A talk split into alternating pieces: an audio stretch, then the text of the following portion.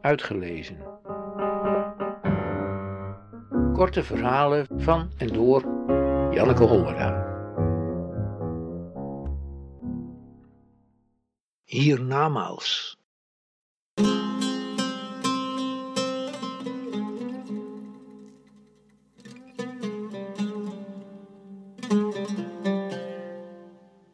Op het stationsplein heerst de gebruikelijke vroege ochtenddrukte. Niemand heeft tijd om een blik naar boven te werpen. Iedereen heeft haast om een trein of een bus te halen. Met grote stappen benen mannen met laptoptassen, met kleine passen rennen moeders met kinderen, met veel lawaai buitelende VMBO'ers naar buiten, met luide stem prijst de verkoper de ochtendkrant aan. Ik sta stil en wacht op mijn taxi. Het is een bewolkte herfstdag. Als er geen wolken waren geweest, had ik vandaag in de ochtendschemering, naar het schijnt, Venus en Mars tegelijk aan de hemel kunnen zien. Venus helder en Mars een beetje rood, verlegen, naast de stralende Venus.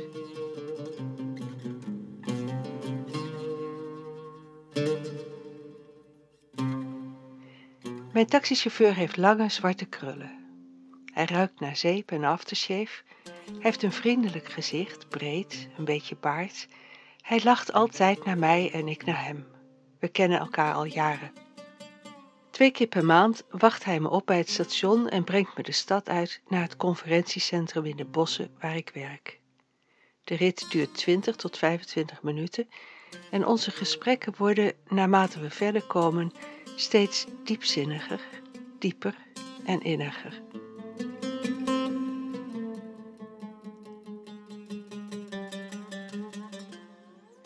Hij is moslim en ik ben in zijn ogen christen. Moslims erkennen de Bijbel van de christenen niet omdat die Bijbel vele malen herschreven is en omdat de verhalen niet door één hand zijn opgetekend. De woorden in de Koran zijn van Allah. Ze zijn door de engel Gabriel aan de profeet Mohammed overgedragen en Mohammed heeft ze laten opschrijven. Mohammed kon dat zelf niet omdat hij analfabeet was maar de Koran bevat dus als enige de ware woorden.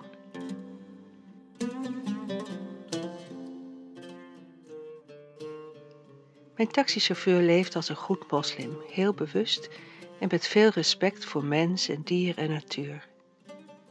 Hij is zo eerlijk dat hij, toen hij een keer 10 euro vond naast zijn taxi, er alles aan heeft gedaan om de man van wie dat geld was terug te vinden. Hij maakt muziek op een oet en hij zingt.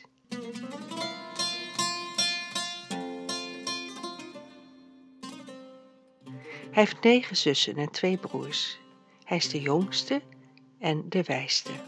Dat laatste zegt hij niet, maar ik weet het. Toen zijn vader stierf en de erfenis verdeeld moest worden, ontstonden er problemen tussen de kinderen van papa's eerste en de kinderen van papa's tweede vrouw. Hij heeft toen iets gedaan waardoor er geen ruzie kwam en iedereen uiteindelijk tevreden was. Hij heeft drie kinderen en een gesluierde vrouw. Hij drinkt niet, hij bidt wel. Ik drink wel en bid niet. Die kleine zonde van het drinken vergeeft hij mij. Hij heeft vroeger ook gedronken. Hij is niet altijd zo goed geweest. Maar op een dag is hij het geworden. Een goed mens.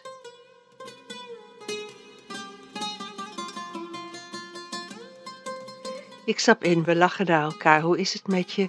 Hoe gaat het met je dochter? Wanneer komt je nieuwe kleinkind? In de taxi rijden we door de prachtige lanen van de stad die langzaam overgaan in bos en heide. We spreken over het naderende afscheid. Nog vijf keer, dan stop ik met mijn werk in het conferentiecentrum, dan rijden we niet meer samen. Maar we blijven elkaar wel zien, zegt hij. Als je weer een nieuw boek hebt geschreven, dan komen we weer. Ik knik weet niet of er nog een nieuw boek komt. Ik denk dat ik af en toe naar Zeist zal reizen om nog een ritje te maken met de taxi. Maakt niet uit waar naartoe. Halverwege vraagt hij me of ik me nog kan herinneren dat we een keer spraken over rouw. Zijn vader was gestorven. Hij vertelde me dat hij nooit meer vrolijk was, dat het voelde alsof er iets was weggesneden. Ik sprak met hem over mijn moeder, hoe ik haar miste al jaren en hoe ze op een nacht op de rand van mijn bed kwam zitten, haar hand op mijn hoofd legde en zei: Nu is het weer goed.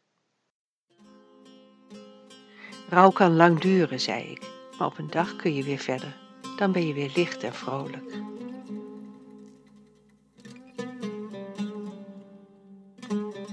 In Arnhem, waar zijn zus woont, bezoekt hij af en toe de moskee. Daar predikt een wijs man. Hij hecht veel waarde aan zijn woorden. Na de preek is er discussie en kunnen mensen vragen stellen. Nu heb ik, zegt hij, altijd gedacht dat alleen wij, moslims, zulke dromen kregen, zo'n teken uit het hiernamaals. Ik weet niets van christenen en ook niet of er een hiernamaals voor hun is. Ik dacht eigenlijk alleen voor moslims. Ik heb het de imam gevraagd. Hoe kan dat?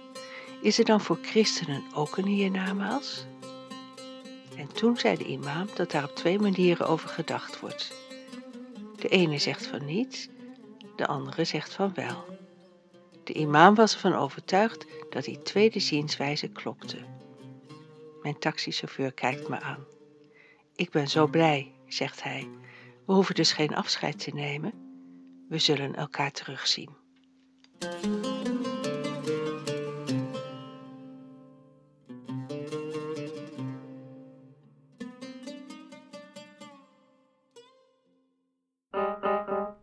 Uitgelezen. Techniek. Redwing Producties.